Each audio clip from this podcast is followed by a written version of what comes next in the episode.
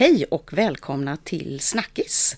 Och den här säsongen får ju du som är lyssnare och väljare eh, möjlighet att träffa våra toppkandidater runt om i Halland. Och idag så sitter jag här med Kristoffer. Hej Kristoffer! Hej Lena! Roligt att vara här. Ja, ja. Du presenterar dig själv lite grann. Kristoffer Bergenblock heter jag och Eh, kommunalråd i Varberg idag men nu står jag etta på riksdagslistan i Halland och hoppas på en plats i riksdagen i september. Min eh, bakgrund är ifrån de djupa skogarna i Småland, kommer från Unnaryd i Hylte kommun där jag växte upp på ett litet skogslantbruk strax utanför, utanför samhället. Och mina föräldrar skötte också om lantmanaffären i Unnaryd. Sen mm. Bar det av till Halmstad därefter. Jag läste på gymnasiet och läste lite på högskolan. Och sen flyttade jag till Varberg och eh, där bor jag sedan eh, 1997 tillsammans med min fru och eh, åtminstone två av våra tre barn. Ja, ja. Den äldsta läser på universitetet i Umeå. Ja. Du, hur kom det sig att ni landade i Varberg då? Ja men det var en lite eh, rolig historia för att eh, vi flyttade egentligen ihop i Halmstad. Eh, jag och min fru, eller vid den tiden min flickvän i alla ja, fall. Ja. Och eh, så bar det sig inte bättre än att hon jobbade eh, på Björkäng längs med eh, E6 här. Ja, och jag började läsa på universitetet i Göteborg istället. Mm. Så satt vi och pendlade från Halmstad till Varberg och till Göteborg och då eh, tyckte vi då är det bättre att vi flyttar till Varberg och så blev det. Ja, kul, härligt! Eh, du Kristoffer, etta på riksdagslistan. Eh, eh, vi brukar fråga så här, vad gör du en ledig helg? Har du några lediga helger eller hur ser det ut nu? Och om du hade, vad hade du hittat på då? Ja, det senaste halvåret har ju inte varit så hemskt många lediga helger kan jag säga. Utan det har varit väldigt mycket valarbete och det kommer ju vara ännu mer intensivt valarbete nu fram till valdagen den 11 september. Men annars så kopplar jag gärna av ihop med familjen på helgen. Läser kanske en god bok, tittar på en eh, eh serie på Netflix, eh, ut och springer en runda. Mm. Jag tycker rätt mycket om att eh, ut och röra på mig. Eh, och har man lite mer tid så tycker jag om att resa också. Ja, precis. Du, nu följer jag känner ju dig eh, sen vårt arbete ihop här i kommunen eh, och ser ju dig också på, på Facebook och Instagram och sådär. Och du har ju även en liten vovve va? Ja men precis. Vår lilla Nemo, en shih tzu som ja. vi haft med oss i tio år nu som börjar bli gammal för att vara hund. Ja. Eh, som alltid med och är familjens lilla eh, lilla gosedjur och soffpotatis. Han är inte den mest aktiva av hundar. Han är inte är med dig på dina joggingrunder då? Nej, det är han definitivt Nej. inte. Han eh, är rätt nöjd med att gå korta promenader och eh, ligga i soffan. Ja, okej. Okay. Du, eh, vi brukar också fråga lite grann här om eh, hur det kom sig att man blev centerpartist. Har du varit centerpartist länge och hur blev du det? Ja, det har jag väl varit. Jag gick med i Centerpartiets ungdomsförbund 1991 och eh, då gjorde jag det rätt mycket utifrån eh, de frågor som var i luften då. De skiljer sig ju inte så mycket från det som är i luften idag. Mm. För mig handlade det väldigt mycket om miljöfrågorna på den tiden. Och eh, så är det ju fortfarande när vi talar hållbarhet och klimat idag. Det handlade också om att Centerpartiet hade ett väldigt starkt humanistiskt patos och eh, det förekom i samhället i slutet av 80, början av 90-talet rätt mycket eh, främlingsfientlighet och rasism som jag tog kraftigt avstånd ifrån och såg att Centerpartiet också var en stark kraft vad gällde att försvara människors rättighet och människors lika värde. Mm. Eh, vid den tiden så kallades Centerpartiets ideologi dessutom ekohumanismen så att det var en väldigt bra sammanfattning av just ja. de här två bitarna mm. som var viktiga. Och sen den tredje delen som eh, definitivt gjorde att valet föll på Centerpartiet var landsbygdspolitiken eh, som till stor del saknades helt och hållet hos de andra partierna. Men där ju Centerpartiet hade en väldigt tydlig röst för att hela landet ska leva.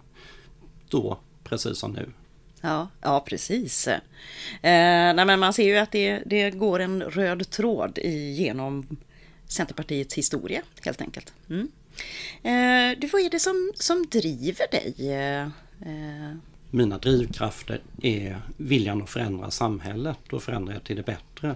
Och det tror jag förstås att det är drivkraften hos de allra flesta som engagerar sig politiskt. Har man inte den tron och den kraften och det engagemanget så tror jag inte heller man klarar av att vara politiskt engagerad någon längre tid utan det mm. måste vara eh, tanken om att förändra samhället så att det blir ett bättre samhälle. Och för min del ett mer hållbart samhälle, ett öppet samhälle, ett tolerant samhälle, ett eh, frihetligt samhälle. Mm, mm. Eh, vi brukar också eh, eh höra lite grann vilka områden, alltså vilka, vilka tre frågor är de viktigaste? Du kanske var de som du nämnde här nu. Men, eller är det någon annan som man tänker på är, är just din hjärtefråga? Nej men precis som eh, det som gjorde att jag gick med i Centerpartiet en gång i tiden mm. så är det samma frågor som jag brinner väldigt mycket för idag också. Och eh, när jag talar om det inför valrörelsen så är det hållbarhetsfrågorna med klimat och energi. Det landsbygdsfrågorna med utveckling och möjlighet att leva, bo och verka i alla delar av Varbergs kommun eller av Halland eller av Sverige. Och eh, det är jämställdhets och jämlikhetsfrågor.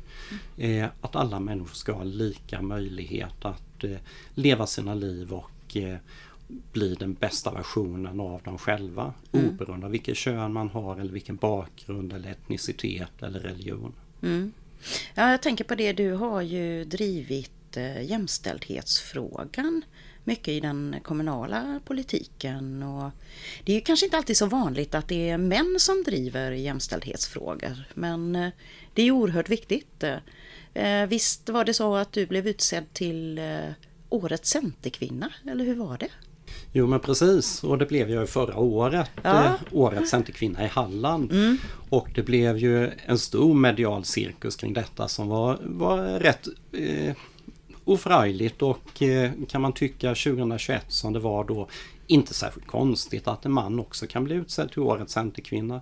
Jag tycker att det visade väldigt väl att Centerkvinnorna är en eh, genuint jämställd organisation när man faktiskt kan utse en man till årets Centerkvinna. Ja. Sen är jag medlem i Centerkvinnorna sedan länge också. Mm. För mig är jämställdhetsfrågorna väldigt viktigt och jag tycker att det, det, behövs fler män som engagerar sig också i jämställdhetsfrågorna. Det är ju inte en fråga bara för kvinnor utan det är ju en fråga för hela samhället och lika mycket för männen som för kvinnorna. Mm, mm. Och om inte jag missminner mig eh, här så är det väl som så att Halland ligger inte särskilt bra i, eh, vad ska man säga, ja, hur makten är fördelad och hur styrelsearbetet ser ut och sådär. Nej, men det stämmer. Det finns flera områden där Halland ligger efter. Det gäller både eh, fördelningen av föräldradagar där männen i Halland tar ut färre föräldradagar än vad man gör i snitt i riket och då är det ju ändå en dålig fördelning i riket också. Mm, mm. Där männen bara tar ut lite drygt 30% av föräldradagarna. Det handlar också om hur det ser ut i bolagen som finns i Halland där det är en klar dominans av män eh, istället för kvinnor. Och eh, det handlar även om lönenivåerna eh, eller egentligen eh, livslönen där man ser att kvinnor i Halland har en lägre livslön än män jämfört med riket. Mm. Så att det finns flera olika områden att arbeta med vad gäller jämställdheten. Ja, någonting som vi verkligen behöver ta tag i med andra ord. Absolut. ja. Du, eh, om du drömmer om någonting att eh, förändra eller utveckla, vad skulle det vara?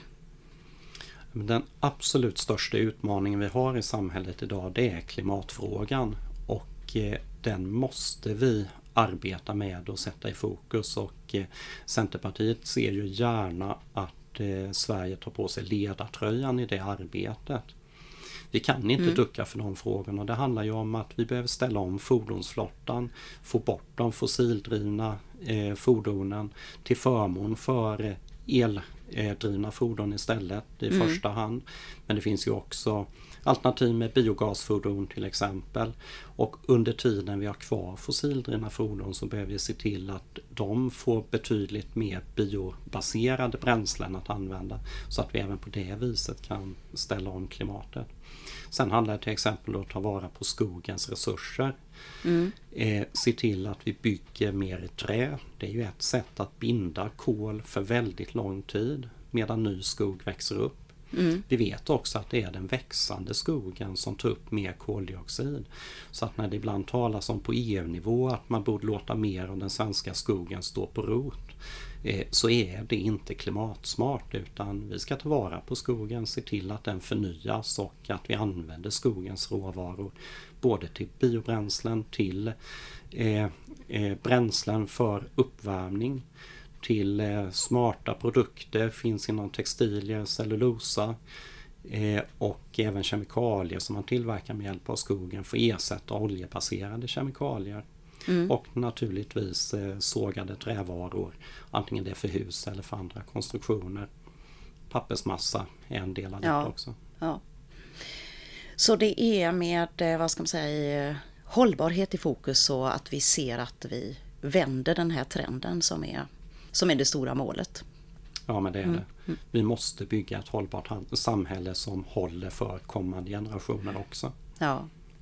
Du, eh, stort tack för att du tittade förbi eh, podden Snackis och eh, så önskar jag dig lycka till i valet. Tack så hemskt mycket.